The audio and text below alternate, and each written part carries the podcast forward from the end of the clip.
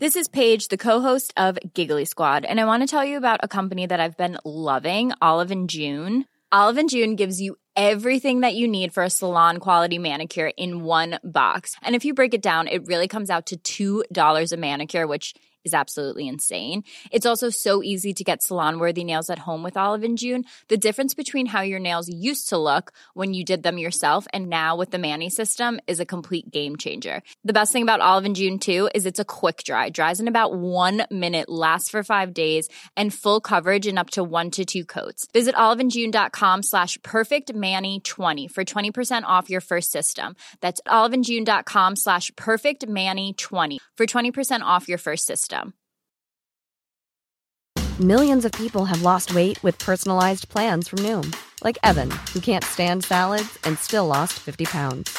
Salads, generally, for most people, are the easy button, right? For me, that wasn't an option. I never really was a salad guy. That's just not who I am. But Noom worked for me. Get your personalized plan today at Noom.com. Real Noom user compensated to provide their story. In four weeks, the typical Noom user can expect to lose one to two pounds per week. Individual results may vary. There's never been a faster or easier way to start your weight loss journey than with PlushCare. PlushCare accepts most insurance plans and gives you online access to board-certified physicians who can prescribe FDA-approved weight loss medications like Wigovi and Zepbound for those who qualify. Take charge of your health and speak with a board-certified physician about a weight loss plan that's right for you. Get started today at plushcare.com slash weight loss. That's plushcare.com slash weight loss. plushcare.com slash weight loss. Podplay. Välkommen till intervjupodden Jägaren med mig Daniel da Silva. I den här podden träffar jag olika jägare som alla har olika perspektiv på jakt. Olika drivkrafter och olika syften med jakten. Jag själv jagar och anledningen till att jag gör det är mixen av fantastiska naturupplevelser, spänningen, lugnet, det hållbara köttet som jag och min familj njuter av och självklart gemenskapen. Men en faktor som är viktig för mig är kunskap. Möjligheten att få mer kunskap om både naturen och våra vilda djur som lever i den. Och allt detta ligger bakom idén till den här podden. Genom att vi pratar med varandra, utbyter tankar och känslor så tror jag att vi hjälper varandra att bli ännu bättre jägare. Och förhoppningsvis så leder det även till att vi ökar vår kunskap och uppskattar jakten ännu mer. Jag har hittills haft samtal med experter inom matlagning, mer kända jaktprofiler, tävlingsskyttar och äkta fantaster som inte gör någonting annat än att förkovra sig i jaktens fantastiska värld. Och idag så kommer jag att möta Niklas Nilsson. Han är VD på Chevalier har under många år arbetat inom textil och retailbranschen men Niklas är också jägare sedan ung ålder. Och idag ska vi fokusera på just det. Niklas bakomliggande drivkrafter, hans drömmar och känslor till jakt. Jag själv är stolt ambassadör för Chevalier. Inte bara för att jag uppskattar deras produkter utan även för att jag står bakom deras värderingar och sätt att se på både medarbetarkultur och på jakt. Och när jag träffat Niklas vid tidigare tillfällen så har samtalet handlat om just det. Hur Niklas ser på jakt. Eh, hur han vill utveckla företaget och varumärket på ett hållbart sätt. Och vad Niklas uppskattar med jakten i Sverige. Så därför tycker jag att det ska bli skitkul att nu i lugn och ro få prata med dig Niklas eh, om allt detta. Hur mår du? Jag mår bra, tack. Och just nu så sitter vi på ert huvudkontor. Ja, I, I ett showroom kan man kalla det va? Ja, det är här vi eh, visar upp eh, nästa års kollektion och eh, det är en bit utanför Göteborg. Det är här vi sitter och håller till och jobbar varje dag. Så de, de, det mesta vi ser här just nu är liksom inte släppt än? Det stämmer. Det mesta här är inte släppt så det är väl eh, handlare som har sett det och så ska vi producera det och leverera det för sommaren eh, 2021. Och jag, jag, kan för er lyssnare berätta att det ser väldigt fint ut. Men jag, jag får nog inte fota och berätta exakt vad det är. Eh, men vet du vad? Vi, vi kommer inte fokusera på eh, så mycket på Chevalier utan på dig. Eh, som människa Niklas. Ja. Det Känner du dig redo att öppna upp dig? Ja lite eh, spänd är jag men det blir roligt. Ja. ja. men jag tycker det är kul att eh, för, för du har ju eh, Du har ju hållit på med jakt väldigt länge. Hur, hur började det för dig? Hur kom intresset till dig? Jag är född i en jägarfamilj och min pappa var en inbiten jägare. Eh, storyn säger det att när jag föddes en söndag natt klockan 20 över 12 Så min syster är mycket äldre än mig så hon låg eh, på sitt tjejrum med, med sin pojkvän då, eh, numera man. Eh, det är ju ganska länge sedan men pappa kom upp, knackade på dörren och så sa han så här Du, eh, jag går och jagar. Och sen så vände han sig om och skulle ut. Och förresten, du har fått en lillebror till. så att det är väl det som är jakt för mig. att Det är viktigt. Eh, det är till och med viktigare än familjen ibland. Men, eh, Men vad, vad, eh, det är ju underbart och lite galet samtidigt. Ja, jag tror inte familjen kanske tyckte att pappa var så, han kanske inte var galen men han tyckte väldigt mycket om jakt och det var en viktig del i hans liv. Så han sköt på lördagar, jagade på söndagar. Och hur, hur är det hemma för dig nu då? Om jag ska vara ärlig och det ska man ju vara så har jag många fantastiska kompisar som eh, säger att jag, jag är ingen riktig jägare för jag jagar ju mindre än 60-70 dagar om året. Jag kvalar inte in riktigt bland eliten men Nej. jag tycker det är en fantastisk hobby. Men du, du hade alltså eh, väldigt tidigt då så blev du eh, påverkad såklart av din far och fick upp intresset där, därifrån. Men när, när började du jaga själv då? Lite senare. Vi tog jägarexamen i, i samband där när, när, när det egentligen startade med jägarexamen. Eh, alla ungdomarna eh, samtidigt i eh, faktiskt alla kompisarna Mm. och även tjejerna tog jägarexamen. Innan dess var det mer sporadiskt men när man fick upp intresset för det så blev det mer min egen grej. Mm. Men som barn fick man ju följa med pappa på olika Ja. jakter. Hur var det då? Vad var det för typ av jakter? Det var mycket allmogejakt, eh, harjakt, rävjakt på nätterna, Hur gjorde man det då? eh, månskensjakt. Ja okej. Eh, jag tror att det är en gammal tradition. Man Mm. går ut i månskenet och skjuter rävarna på åkrarna. Ja. Då låg man på något loft eller en lada och man kanske orkar hålla sig vaken i en timme och sen knuffar de på en, nu kommer räven och så small det liksom. Ja. Det är väl kanske inte lika vanligt idag. Nej.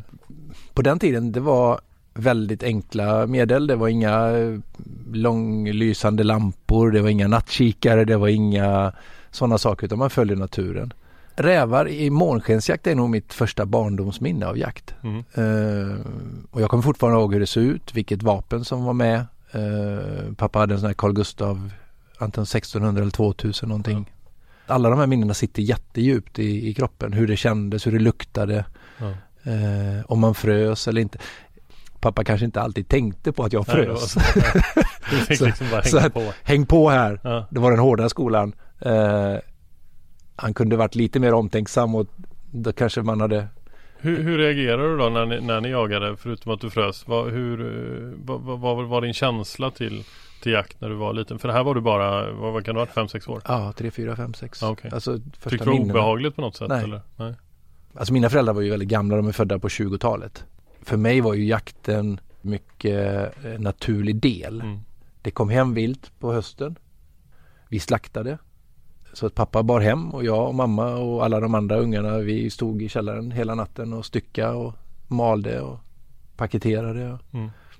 Jag är extremt stolt att eh, ha stått där och plockat isär djur efter djur liksom Mm. från liten ålder. Och det, det är någonting som jag önskar att alla får vara med om för det, det är helt fantastiskt när det är så naturligt. Och hur är det idag hemma då? För, för du jagar och, och så eh, i din familj nu, är det nog fler som jagar? Eh, vi är fyra stycken, jag har två barn.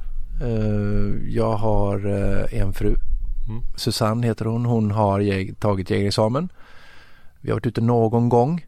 Eh, hon har inte riktigt, hon säger att hon kan hitta det men hon har prioriterat andra saker. Mm.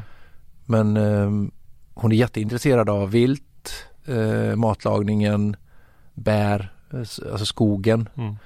Eh, min dotter Linn tog jägarexamen. Mhm. Hon gillar också mat och skogen. Hon är väl jätteduktig på mat? Ja, hon är duktig på mat. Eh, hon är extremt intresserad av matlagning. Ja. Eh, och min son Hugo då, han eh, har inte visat något intresse eh, just nu. Han spelar golf, tycker Ja. det är fantastiskt roligt. Han spelar hockey och så. Men han, han har också kompisar som jagar. Mm. Eh, så det kan väl bli för honom som för mig att han har hört så mycket om det och vi har tjatat om det hemma och vi har tagit hem och jag har bett honom att han ska vara med och slakta. Och Mm. Han kanske också kommer en dag och säger det där skulle vara ganska roligt. Mm. För mig kom det ju in ganska sent i livet men jag hade ju i och för sig inte med det från att jag var liten. Nej. Eh, och det kan jag vara eh, lite sotisk på när jag hör de här berättelserna. Mm. Och det är därför jag eh, uppmuntrar eh, mina barn att lära sig så mycket som möjligt. Sen Mm. är det helt upp till dem att välja om de vill vara med eller inte och om de vill börja jaga någon gång i framtiden. Men, men eh, jag, jag tycker det är fint att kunna ge dem den typen av minnen. Mm. Som du berättar om att du har med, med din pappa då till exempel. Ja, det är fantastiska minnen när man tänker efter nu Mm. och tänker tillbaka. Då bara frös du. Ja, alltså, Jag har några sådana frysminnen och Ja. mygg. Ja okej. Om man går och sätter sig på en pyrsch på bock i, i en björkdunge. Ja. Du vet, det kliar i hela kroppen och så ska man vara tyst. Ja. Och pappa lockar fram den här bocken och ska skjuta den och så sitter man där och kan inte sitta still. För det, det kliar på hela kroppen och man har inga kläder på sig. Ja, man har ju kläder på Ja. sig men inte Man har ingen myggmössa eller mygghuva eller någonting sånt Nej. där. Något skyddsnät och ingen myggolja eller någonting. Hur, hur var det då när du själv började? Min- Minns du ditt första vilt? Jag vet inte om det var en råbock eller om det var älgen jag sköt först. Nej. Jag tror det är därför jag, jag kommer ihåg just den här känslan eh, första gången man skjuter och folk säger att man kan få skak och frossa före och efter. Mm. Och jag kommer ihåg den på båda de två, första bocken och första älgen. Så, eh, ja, svårt med talet och, och Mm. skakade och kroppen reagerade väldigt kraftigt, kraftfullt. Men hur känner du idag kring, eh, kring själva fällandet? Det är ju en ganska liten del av jakten i stort men den frossan du pratar om, kan du fortfarande få den idag? jag kan inte riktigt säga att jag får den just nu men nu har jag ju kanske hamnat i situationer där det har gått fort och det har varit en, en älgkalv eller en älgko eller någon mindre av någon hjort eller någonting Mm. som springer förbi men jag tror att definitivt att man kan få den. Eh, väldigt erfarna jägare som, som jagar något stort vilt en lång, lång tid Mm. kan ju säga att de fick andas väldigt mycket innan de kunde få iväg skottet liksom. Ja. Men jag, jag har inte eh, haft glädjen av att hamna i den situationen just nu och det är väl sånt som triggar och, och gör att man skulle vilja prova mer olika jakter och hamna i sådana situationer. Har du, några, har du någon eh, jaktform eller något, eh, någon, något vilt eller liknande som du lite drömmer om men som du fortfarande inte har provat på? Jag är ju skolad i den här traditionella eh, hemma vid jakten. Mm. Det är älg och det är rådjur, det är räv, lite hare. Jag tycker fågeljakt verkar väldigt intressant. Mm. Eh, nu när man är i branschen, toppfågel, tittar på eh, skogsfågel. Fantastiskt spännande. Eh, men det kräver ju lite av den som jagar. Ja, gud ja. Och sen har vi ju all fjälljakt. Ripan verkar ju fantastiskt spännande. Mm. Eh, skulle väldigt gärna vilja gå upp på fjället och jaga. Mm. Och det ska jag. Jag har det som personliga mål att få nå och få vara på de här olika platserna. Det är väl det som skulle kunna trigga mig tror jag. Att se olika saker, olika typer av jakt.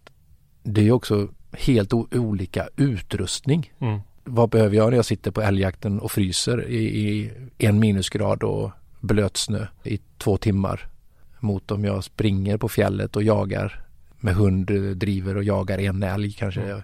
Och det är helt olika situationer. Det är helt Ja, olika ja. situationer och olika jaktformer. Ja. Det tror inte jag att jag visste att det Nej. fanns innan jag har börjat intressera, intressera mig mer för det här. Även om man läser i tidningar sånt så kan jag inte riktigt ta till mig nu när jag tittar. Youtube är väldigt bra. Ja. När man kan se och få förstå hur det känns. Och det kan locka till mer sp- spänning. Liksom. Tycker du själv att det är en skillnad i känsla när du jagar på din egna mark eller på en eh, om du är inbjuden någonstans eller åker med kompisar till deras jaktlag eller så? Mm. En av orsakerna till att jag och min fru bestämde oss för att köpa mark när vi flyttade tillbaka från Stockholm Mm. efter vi hade varit där. Det var just att jag ska aldrig någonsin bli utslängd ur ett jaktlag. Nej. Nej.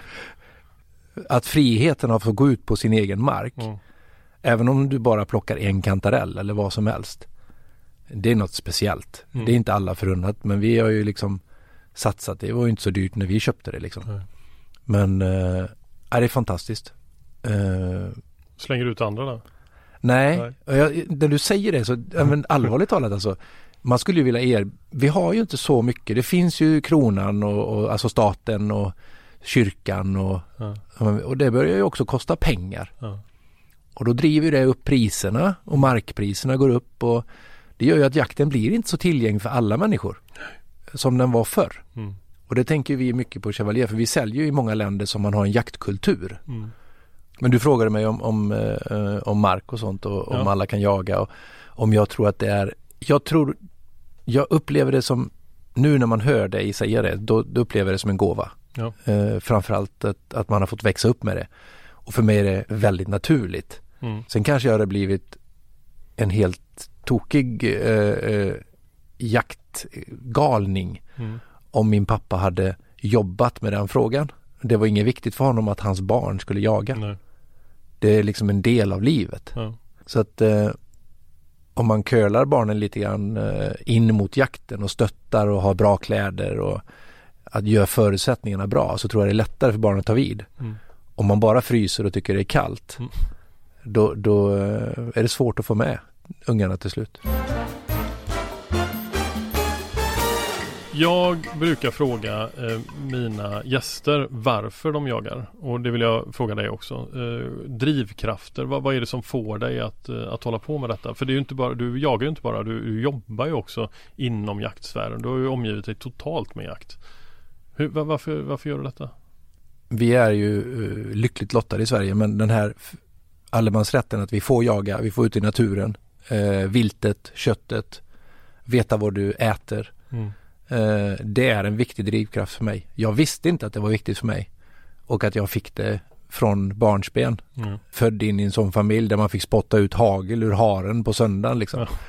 Är man uppväxt i det så, så finns det naturligt men det var ingenting som sa att jag skulle bli jägare. Nej. För att jag har fem syskon som är äldre än mig Ja. och ingen är jägare. Vad, vad var det som gjorde att de inte hakade på? Vi har, vi har aldrig pratat om det. Det kan väl vara att pappa var borta varje lördag och låg och tävlade i skytte och sen varje söndag så var han i skogen och jagade. Mm. Och jag kanske inte riktigt hade sett det när jag växte upp för då var han kanske inte ute och sköt varje lördag. Ja, okej. Men eh, det stod ju ett vapen bakom soffan eller dörren eh, i vårt hus och det låg ammunition överallt så att det, det, det har ju förändrats ganska ordentligt. ja, Det hade liksom inte varit helt okej om det hände idag. eh, pappas vapengarderob det var en gammal dörr från ett bygge Ja. som han hade satt upp på väggen. Ah, Och så öppnade han dörren och där hängde tre spikar så hängde han upp Maser, K-pist, AK4. är det sant? och så stängde han dörren och vred om med en sån här tvåa, en sån här Ja. nyckel. Det, Tills det blev vapenskåpskrav krav då. Så, så ser det inte ut hos de flesta tror jag. Nej, Nej. Och hur, hur ser det ut hemma hos dig då? Vad, vad har du i ditt vapenskåp? där finns eh, pappas gamla Maser från kriget eller en sån som han vann i tävlingar då. Han, de, det var ju arméskytte på 40-talet liksom. Ah, Okej. 300 meter. U- Eh. Utan eh, alltså öppna riktmedel? Ja, diopter, sån. Ja. Jag måste outa oss i, i vårt jaktgäng. Ja. Vi tog med pappa, eh, jag tror han var 82. Ja. eh, efter en eh, stor hjärntumör vi opererat så tog vi med han till Långhållsbanan i Limmared. Ja. Eh, en bit därifrån vi bor och eh, 300 meter upp med pappfigurer så hjälpte vi pappa ner på marken. Han tog den här remmen som var inställd för honom. En läderrem som jag förstod man skulle vira runt armen på något vis. okej, ja. La sig ner, repeterade och så pang, pang, pang. Och så satte han om i tavlan och så skulle vi skjuta. Jag tror att det var en av mina kompisar som träffade ja, tavlan så. på 300 meter med det siktet. Så det där är något helt annat. Men vad har du i ditt vapenskåp då? Mitt vapenskåp har jag nu. En, eh, en 222 eh, övning, eh, sån liten perfekt eh, övningsvapen. Sen har vi då en den jag jagar mest med, en blaser. Bruksvapen som är extremt eh, tåligt och Mm. plast och lätt att sköta. Jag tycker den är fantastisk. Trivs jättebra med den. Till den har jag två olika sikten. Jag har en aimpoint och sen har jag en size Mm. eh, kikare till den andra som är bra. Mm. Sen har jag två gamla hagelbössor. Ja. Eh, så att det är också arvegods som jag har från pappa då. Side by side? Ja, två side by side. Passar inte mig överhuvudtaget. Inte? Nej, jag skjuter så dåligt med dem så att jag, ja. Men ska du eh, inte skaffa en, eh, någon som passar dig då? Jo, eh, Men du jagar inte så mycket fågel? nej och jag, vi sköt mycket lerduvor när vi var yngre. Ja. Och då var det mer tävling. Då hade jag, alla hade Beretta eh, 686 Mm. mm. sån här sporting. Det var ju mer sport då. Vi Ja, sköt exakt. på lerduvor och jaktstigar och det var ju jätteroligt. Mm. Sen var det en stor tung klump som man skulle gå och bära på och sen eh, använde inte jag den överhuvudtaget och då sålde jag den också. Mm. Ett hagelvapen som inte ligger bra, eh, då är det ju svårt. Ja det går inte att korrigera. Jag har ju de här gamla pappas och det passar inte mig. Jag Nej. bommar, alltså det, det är så svårt att skjuta Ja. med dem. Ja. Och sen får jag ett vapen som passar mig, då kan jag träffa Ja. hjälpligt. Men eh, eh, nej, Ja, du har ingen sån här vapendröm? Någon sån här riktigt nice kitlauf eller något sånt där? jag avundas dig och alla andra som nördar in på en ah, jag ska nog köpa en sån, jag ska ha en sån. Jag är inte sån. Ändå så kallar mina kompisar mig för världens prylnörd. Jag fattar Okej. inte var de får det ifrån. Nej. Jag har inga prylar, bara så ni vet det. Nej. Jag har inga prylar och jag nördar inte in på de här sakerna. Jag kan ju nörda loss totalt alltså. Nej, jag, Och så jag, skaffar jag något sånt där eh, lite smått hemligt konto så jag försöker så här lägga undan lite så bara snor jag därifrån. Det, fin- det finns aldrig någonting på det där kontot. Men drömmen om denna Kiplaufen fin- finns kvar.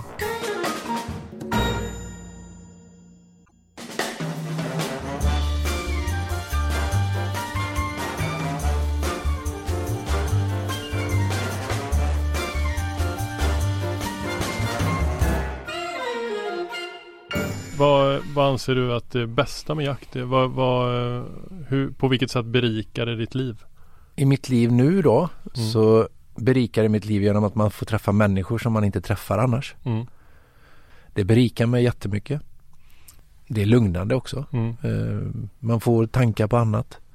Blir, det, är det en bra kontrast för dig? Jag kan tänka mig att du har eh, eh, ja, men mycket att stå i jobbmässigt. Ja, jag har ett jobb som tar mycket tid eh, och även om jag har haft det innan också. Tycker det är fantastiskt att eh, bryta av med jakt. Mm. Eh, Jag önskar att jag hade jagat mer Mm. och nu har jag bestämt mig för att göra det. Det hör man ganska ofta. Sen vet jag inte om det ligger kvar. Jag kommer tillbaka till pappas jakt. Han jagar ju mycket hela sitt liv. Om det kanske har påverkat mig att jag tänker lite mer på innan jag tar för mig liksom. Om det är en respekt mot familjen. Jag vet inte. Om det finns något medärvt där i. Men jag vill gärna och jag kommer att göra det och jag har bestämt mig för att lägga lite tid och kraft och pengar och resor och så. Men det är ju väldigt sällan man hör någon som säger jag önskar att jag jagar lite mindre. Ja, det, det är nog sant. Det är nog sant. Eh, nej, men jag känner det att jag, eh, det ger så mycket mänskligt eller personligt då för mig. Mm. Och sen ger det en fantastisk mat. Ja visst. Alltså vi som jagar och äter viltkött eh, är ju så bortskämda med det. Det är, Och jag tror du sa det någon gång om jag lyssnade på dig någonstans eh, i något sammanhang men just det här kombinationen av att plocka svamp, ja. ha plockat lingonen Ja. och jagat köttet, slaktat, plockat isär det, tillrätt det, kanske ta potatisen från baksidan av huset och löken i landet liksom. Ja. Det är också en sån här urdrift så att man har gjort allting själv. Ja, det. Det känns helt fantastiskt. Ja, det är riktigt coolt. Där. Hur, hur ser det ut idag då? Hur mycket jagar du nu? Det är inte jättemycket. Eh, det kanske är 20 jaktdagar. På din hemmamark? Jagar hemma. Eh, vi jagar eh, på vår gemensamma älgjaktsområde som är en jätteviktig del i, i, i den lilla jakten jag genomför. Och sen några resor då. Mm. Att man får åka på någon eh, jakt utomlands och eh, några jakter i Sverige. Vad, vad, vad har ni på marken hemma? Eh, ja, vi har ett växande vildsvinsbestånd. Ja. Vi har... Eh, Så att det är ett problem eller? Än så länge har det klarat sig. Eh, vi kommer ju från skogsbygden där jag bor, eh, i Nittorp. Nära småländska gränsen, det är stenigt och, och små åkrar. Mycket vilt. Men inte de här stora åkrarna som du ser när man åker i Sörmland och Skåne. Nej, Där de går ut och äter upp för grödorna då. Mm. Utan det är små åkerlappar överallt. okej. Eh, så jag upplever att grisen är mer i skog hos Mm. oss. De bökar i skogen. Mm. Diken och kanter och så. Men ni jagar vildsvin då? Vildsvin. Vad, vad jagar ni mer? Eh, älg, rådjur, eh, grävling, räv, hare. Eh, sen finns det ströhjortar. Okej. Men vi har ingen lokal eh, dovhjortsbesättning som vi har. Ni som, ingår inte i något klonskötsel då? Nej, Nej. det finns några mil därifrån och så. Men ingenting som vi jagar på. Så det är en väldigt klassiskt. Jag hoppas vi ska kunna få igång eh, grisjakten ordentligt. Det finns mer och mer. Händer det att du fortfarande, min, min jag har ju någon sån här dröm om att någon gång ha mark Eh, att bo på marken eller oavsett det skulle kunna vara någon form av sommarstuga eller skulle det kunna vara permanentbostad. Eh, och att bara sådär en kväll välja att nej men nu gå ut och pyrscha lite rådjur. Sådär. Jag gör det nog eh, inte så ofta som jag kanske önskar. Nej. Jag vet att din dotter är otroligt duktig i köket. Vi pratade lite grann om det förut. Mm. Eh, Och hon var med i Mästerkocken. Ja. Eh, och jag antar att hon lagar mycket mat hemma. Ja, hon har ju tyvärr flyttat. Ja, okej. Så nu är det... Så nu får vi äta falukorv. Ja. Eh, eh, ja, hon lagar jättemycket mat och det har utvecklats sen hon var med där. Mm. Ehm, Lagar ni mycket tillsammans? ja, jag brukar säga att jag fick röja upp Okej. Och hon lagade maten och så fick man hjälpa till. Ja. Så att det var så det funkade. Och nu röjer jag upp och så lagar Susanne mycket mat. Ja. Men vi gör det tillsammans. Men eh, jag har två jätteduktiga eh, matmänniskor i min familj. Ja. Som är extremt eh, smaksäkra. Som lagar mycket utan recept. Jag lagar alltid med recept. Mm. Så ska jag göra Mobergs eh, älgfärsbiffar Mm. som jag gör en gång i varannan vecka. Okej. Så gör jag den alltid med receptboken framme. Är det sant? Ja, ja, jag är helt eh, nojig på det. Jag, jag vet ju vad det ska vara men ändå så gör jag det. Och det är olika människotyper. Jag lagar ju mycket mat och Ja. jag har aldrig använt ett recept. Nej. Jag, jag, för mig är det, det är därför jag bakar inte. Och jag kan inte bakning för då måste jag använda recept. Ja, jag tror vi är olika. Ja. Men eh, jag tror vi kan uppnå samma resultat. Eh, jag kan freebasea vissa maträtter. Den stora skillnaden är att du kan uppnå samma resultat. ja. jag, mitt smakar alltid olika. Ja. Om jag inte har sherry hemma för att ta något annat i Ja. såsen liksom. Men det, det jag gillar viss matlagning. Vissa saker lagar jag utan och vissa lagar jag med. Ja. Jag kan skapa egna maträtter så men eh, vissa rätter vill jag ha perfekta och då vill jag gärna använda recept. Vad, vad tycker du att det finns för, för baksidor med jakt? Jag tycker det är tråkigt. Med jakt? Nej, jag tycker det är tråkigt att det blir så heta diskussioner ibland. Mm. Det tycker jag, jag blir ledsen. Och särskilt då om man har växt upp med det som jag har gjort. Alltså, och många med mig. Eh, och eller kanske börjat senare och börjat älska någonting. Mm. Och sen finns det folk som att det blir så polariserat. Mm. Det tycker jag är tråkigt. Men det har ju inte med jakten att göra, det har ju med människor. Men, Jo fast det har ju det, Jag tror att det påverkar många eh, som, som utövare och som håller på med jakt. Eh, stöter du på många i, som, som är starka jaktmotståndare? Jag har vänner, som nära vänner som inte är för jakt. Ja. Eh, de respekterar det jag säger eh, och varför jag jagar. När jag berättar om jakten för mig och vad det betyder och vad det är, då förstår de. Mm. Jag har till och med fått de som är veganer säga ja, ska jag äta kött så kan jag tänka, äta mig, eller så kan jag tänka mig att äta viltkött. Ja. Och den vägen jag brukar gå det är så att när vi pratar om det så brukar jag säga att vem tror ni tar hand om alla djuren som vi kör på i trafiken? Mm. Ja, det gör väl polisen liksom. Nej, det gör Dan och Aron och Tommy och Frans och alla de andra tusentals eftersöksjägarna i Sverige Mm. Som kan gå upp klockan fyra på natten en tisdag och spåra en älg. Alltså bara för att de gillar jakt och Mm. gillar naturen och djuren. Mm. Och när man lyfter sådana frågor Mm. då tycker jag att de som är emot jakt helt plötsligt liksom, de är inte så mycket emot jakt längre. Nej. Sen tycker jag på andra sidan så tycker jag vi behöver inte polarisera alls. Jag tycker att alla kan vara vänner och har vi trevligt och alla är glada och vi är positiva och snälla mot varandra. Mm. Då kommer det ju ännu fler människor som tycker jakt är trevligt. Men om vi polariserar och är emot varandra, för och emot och tycker illa om varandra och hänger ut varandra, alltså gör dumma saker, då Mm. skapar man ju en miljö av konfrontation. Ja. Det är väl det enda som skulle kunna vara eh, negativt. Men Pola- vad Polariseringen. fint det hade varit om fler tänkte på det sättet. Har, har du, märker du skillnad, du som ändå hållit på ganska länge och jagat och varit med i jaktkretsar som du var liten. Märker du en större polarisering nu eh, än förr? Jag kan inte svara på det för jag för mig när jag var liten så fanns det bara, då var det jaktlaget. Ja, okej. Och jag förstod nog inte att det fanns en värld utanför där. Nej. Och det kanske är sociala medier. Det sa faktiskt några när jag kom hit. De frågade mig hur jag gör på Instagram. Och det var både yngre och äldre eh, här på företaget Mm. som sa det att tänk på vad du lägger ut för att eh, här får vi reaktioner direkt. Eh, om du har en följarskara. Nu har jag ingen följarskara men, men att man ska vara försiktig med det. Mm. Ehm, för det, det skapar opinion. Mm. Nu tycker jag vi har en, alltså om vi jämför Sveriges jaktkultur är fantastisk. Alltså, Mm. Den är bred och vi får jaga och en sak som jag reagerar på första gången jag fick åka utomlands och jaga Mm. Till ett liksom s- mellan Europa. Mm. Det var ju deras respekt för viltet. Mm. Eh, Okej, det kanske är lite för show men parad, att respektera, Mm. eh, blommor, granris, eh, symboliskt, att, att behandla djuret som, som du eh, också kanske upplevt att man ger djuret någonting på Mm. sista färd, alltså någon form av rit. Ja. Eh, det har jag aldrig sett innan. Jag har inte varit på det i Sverige så det första gången jag såg det så var jag utomlands.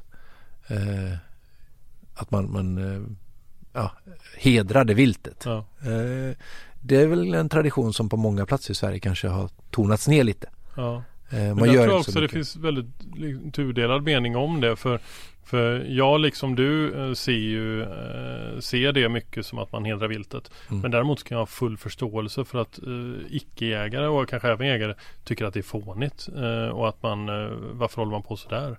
Eh, att det nästan blir en tvärtom-effekt på det. Ja, och det får jag respektera. Det, vi, vi måste ju ha olika åsikter. Sen behöver vi inte, vi behöver inte slåss om det liksom. Alltså Nej. nu säger inte jag att jag har råkat ut för någon otrevlig människa någon gång liksom. Men jag svävade iväg lite grann men jag, jag säger bara att när jag försöker förklara hur viktig jakten är, vem ska ta hand om djuren? Mm.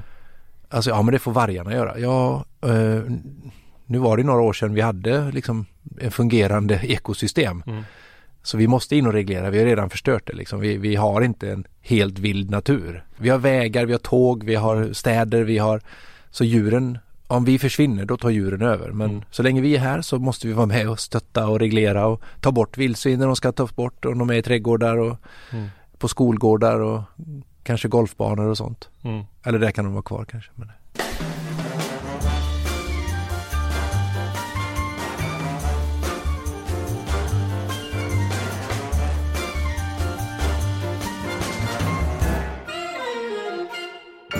Om vi pratar lite grann om ditt yrkesliv. Jag vet du har jobbat i klädbranschen väldigt länge.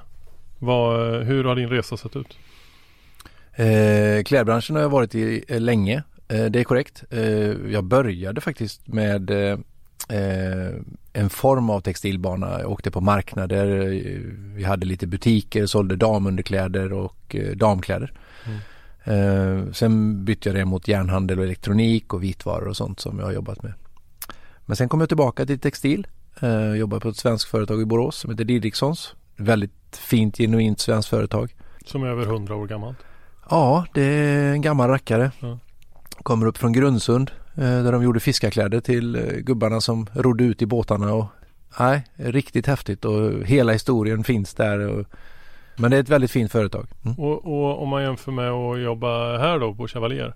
Det finns ju en otrolig historik här också. Inte 100 år men, men är ju snart ni är väl 70 år. 70 ja. Ja. Mm.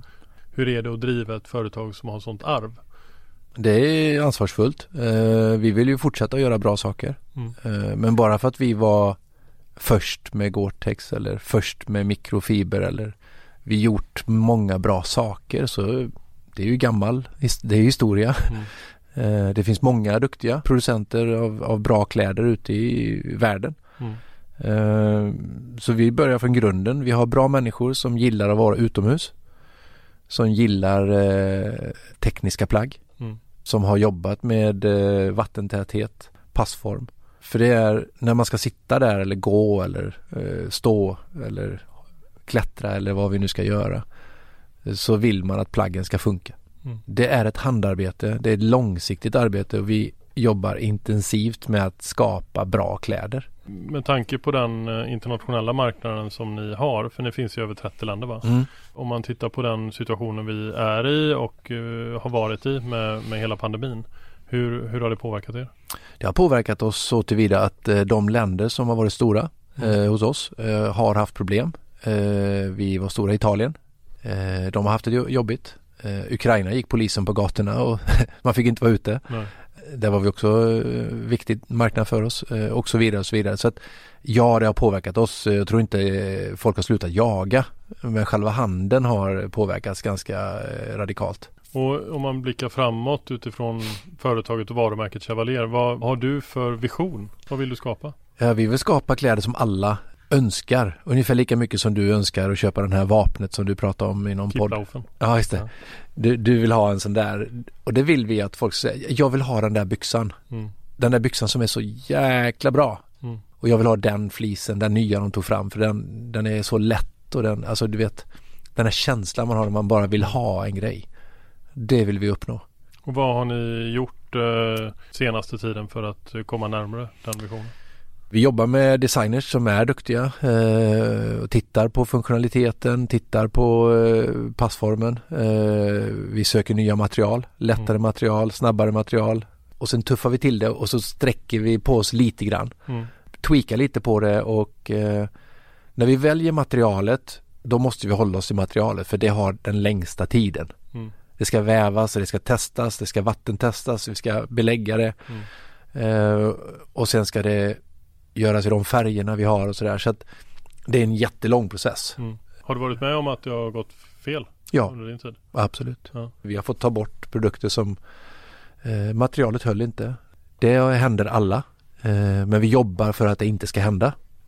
Hur skulle Eh, du aktivt. vilja eh, beskriva dig själv som eh, verkställande direktör? Är du mer i strateg för varumärket och företaget i stort eller går du ofta in i detaljer och blandar dig i liksom, te- den tekniska biten eller designbitar och sådär? Jag som eh, chef eh, eller ledare i gruppen är eh, mer lagledare. De som jobbar här är bättre än mig på allt. Mm. Jag tycker att det är intressant. Jag lär mig hela tiden. Mm. Jag brukar skoja med de som om man tittar på marknadsföring som är min huvudsyssla egentligen. Jag är ju marknadsperson och sälj. Mm. Men den utbildningen jag fick för 20 år sedan den är ju inte ens aktuell. Nej, Den är ju borta, passé. Nu är allting digitalt och det ska göras si och så. Det finns folk som kan det så bra. Jag kan det inte så bra. Men eh, jag förstår allting som görs. men där måste jag faktiskt säga att eh, jag har ändå eh, hängt här nu ganska mycket fram och tillbaka och träffat väldigt många av de som arbetar här på huvudkontoret. Och eh, det finns en eh, Det finns något väldigt fint här. Eh, det finns en fin stämning och sen så märker man väldigt tydligt eh, expertisen från olika håll. Men en sak som jag är lite imponerad över det är ju att eh, alla som jobbar här har tagit jägarexamen. Mm. Hur, är det din idé? Ja, jag, jag, tar åt mig den då. Jag säger att det är min idé. Det kan ha varit någon som sa att ska du verkligen anställa sådana som inte jagar? Ja. Och då tänkte jag så här att det är lättare att få tag i en duktig chefsdesigner eller chefsdesigner, en teknisk designer som kan skapa det bästa plagget. Ja. Och sen får hen ta jägarexamen Mm. och åka på jakter och vara med och titta hur det fungerar. Än att gå ut och säga så att bland de 300 000 jägare vi har i Sverige så ska vi hitta den bästa tekniska designen. Så att vi, det, det blev så att vi, vi söker väldigt bra kompetens och sen säger så att alla som jobbar här måste förstå vad vi håller på med. Och det är bra att jaga om man ska göra jaktkläder. Mm. Så att eh, jag tyckte det var viktigt och därför är det ett, ett, ett krav. För då har vi också en, en gemensam plattform. En väldigt stor fördel med jakt tycker jag är att det är ett väldigt hållbart alternativ för eh, kött. Eh, hur, hur, hur arbetar ni med hållbarhet? Om att ta fram kläder är långsiktigt Mm. så är hållbarhet ännu mer långsiktigt. Mm. Vi har hållbarhet utifrån, eh, om vi utgår från kläderna först. Mm. Eh, så började jag och eh, numera föräldraledig hållbarhetsansvarig då. Så började jag med att resa runt och kolla fabrikerna. Och kolla om de är hållbara. Vad innebär det? Jo att de har en personalpolitik som är okej. Eh, och sen valde vi de som hade de bästa värderingarna. Mm.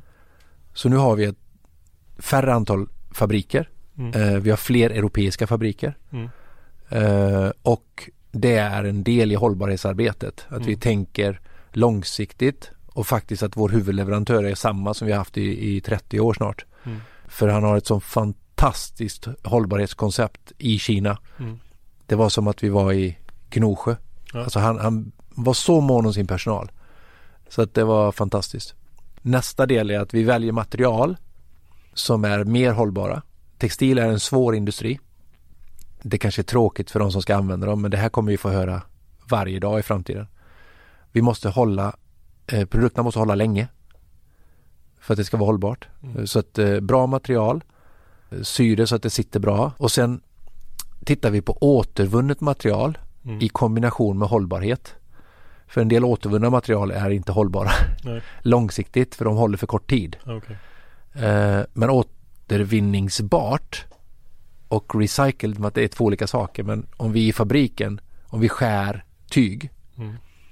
så har vi nu då i våra nya kläder så har vi 100% polyester i membran och yttermaterial. Tidigare hade man ett, ett eh, PU-membran eller ett annat material. Då går det inte att återvinna. Okej. Nu kan man bara mala ner det och göra ny. Det är plast. Ja, visst. Så att polyester är polyester. Ja. Ner med det i en tunna som mal det och så blir det nytt. Mm. Och då kan vi ta det och så skicka tillbaka det i processen. Då är det en hållbar lösning. Ja, ja. Så det är så små saker som inte du som kund eller någon annan av kunderna behöver tänka på. Men vi ska i framtiden kunna säga att här är våra fabriker. Mm. Vi jobbar med de här materialen. Om ni vill så kan ni se, titta in i den här fabriken. Här köper vi våra grejer. Och vi ska kunna vara stolta över det. Mm. Det är där vi har börjat eh, med vårt hållbarhetsarbete. I fabrikerna, materialvalen och att försöka skapa hållbara produkter som håller länge. Mm. Det är grundstenarna nu då. Om vi går tillbaka till eh, mer till dig som person eh, och tittar lite framåt. Vad har du för drömmar? Har du några drömmar kopplat till jakt? Ja. Jag har sagt till mig själv att eh, livet är för kort Ja. för att inte eh, göra det som jag tänker. Jag kan göra det sen tänker jag. Jag måste börja göra och säga ja eh, till de här roliga sakerna. Inte tacka nej till när någon frågar om jag ska åka med och jaga. Eller om vi ska åka dit eller göra det. Så att jag tänkte att nu när jag ändå är och jobbar med det så skulle jag vilja åka till alla länder vi säljer Mm. jaktkläder till och se hur det fungerar. Lära mig lite mer om det landet. 30, kanske- 30 jaktresor då? Ja, Vilket är det mest eh, spännande? Finns ni i Rumänien? ja, jag skulle säga det. Jag är nog i Rumänien. Är? Eh, jag var nere i Rumänien senast och han berättade hur de jagar och vad de jagar. Så där uppe ska visst vara något helt fantastiskt eh, djurrikt och eh, jag var där och det var ett helt annorlunda land än vad jag trodde det var. Mm. Det var mycket rikare, bördigt. Eh, stora slätter, åkermark. Eh, det måste finnas hur mycket djur som helst där. Det är ja, riktigt spännande. Finns ni i eh, Alaska? Eh, nej, vi säljer inte i är Nordamerika. Nej, vi, Du får börja sälja där för att Ja, nej, då- då- på drömmen. ja, jag tror att vi har en annan strategi när det gäller att välja land för eh, kläderna. Det är roligt om man bara, ni bara finns där du vill jaga. nej, vi ska, vi ska, eh, ja det finns många trevliga länder. Ni Eh, får också öppna, i så fall får ni öppna en, eh, en eh, så här concept store uppe i norraste Norrland så att du kan jaga en ripa också. ja, men det tror jag vi ska göra ändå. Ja, Sverige har ju en fantastisk variation. ja. Och där vet jag att eh, jag har känningar så vi kan eh, passa på att åka upp och, och, och eh, det tar lite tid Mm. men det är ju värt det varje dag i veckan. Men då, så då vet man att om, om man vill få med dig på jakt framöver så är det bara fråga. För du, du har du bestämt dig för att säga ja. Ja, eh, jag har sagt jättemycket nej Mm. för att jobbet är viktigt och jag måste göra det, jag måste göra det. Eh, och det är nog hela livet att eh, nu är man ju lite äldre och nu måste man börja säga ja också. Ja till roliga saker, ja till jakt. Det är, jag får sätta en sån bumper sticker. Ja till jakt. Ja. Ja.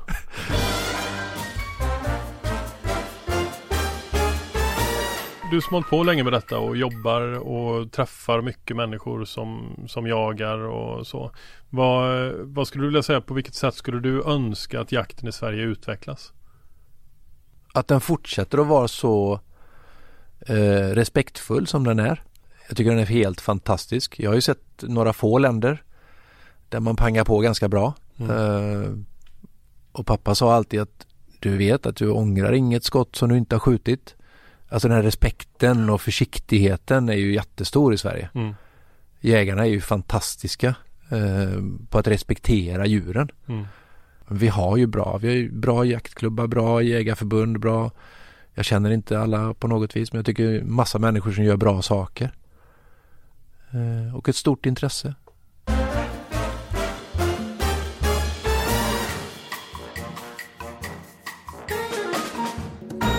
För att avsluta så tänkte jag att du ska få välja.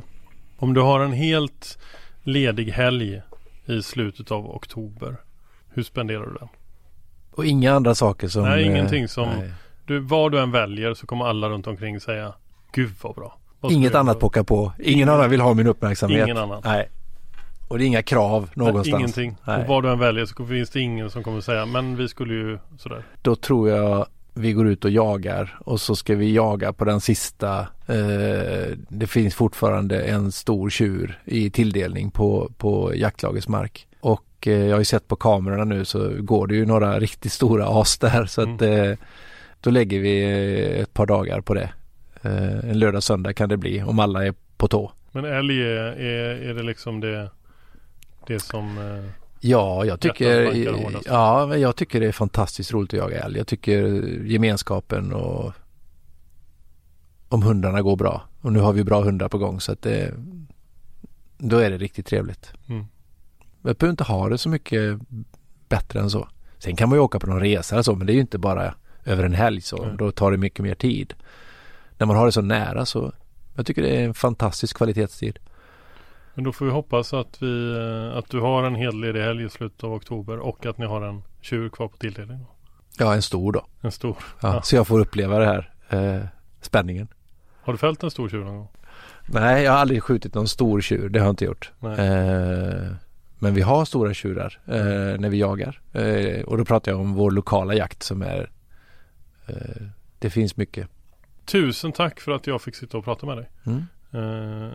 Det var trevligt. Det var supertrevligt och jag, jag tror du sa själv att om du tittar på utvecklingen av jakt så skulle du vilja att den fortsätter utvecklas på ett etiskt sätt och att vi har respekt för viltet och liknande. Mm. Eh, och jag tror att om man har lyssnat på den här intervjun eh, och inte jagar eh, så tror jag att många har fått upp ögonen för jakt. Tack. Det hoppas vi. Tack. Ja. Tack snälla. Och som vanligt, tusen tack till alla er som lyssnar på den här podden. Det betyder jättemycket.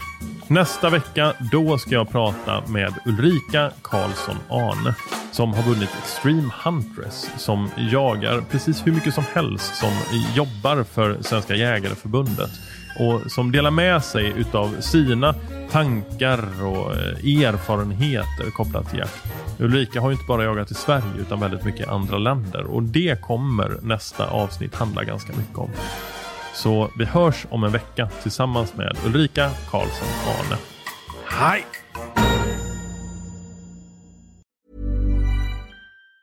Planning for your next trip? Elevate your travel style with Quince. Quince has all the jet setting essentials you'll want for your next getaway, like European linen, premium luggage options, buttery soft Italian leather bags, and so much more. And it's all priced at 50 to 80% less than similar brands. Plus, Quince only works with factories that use safe and ethical manufacturing practices. Pack your bags with high-quality essentials you'll be wearing for vacations to come with Quince. Go to quince.com slash trip for free shipping and 365-day returns. Hi, I'm Daniel, founder of Pretty Litter. Cats and cat owners deserve better than any old fashioned litter. That's why I teamed up with scientists and veterinarians to create Pretty Litter. Its innovative crystal formula has superior odor control and weighs up to 80% less than clay litter. Pretty Litter even monitors health by changing colors to help detect early signs of potential illness. It's the world's smartest kitty litter. Go to prettylitter.com and use code ACAST for 20% off your first order and a free cat toy. Terms and conditions apply. See site for details.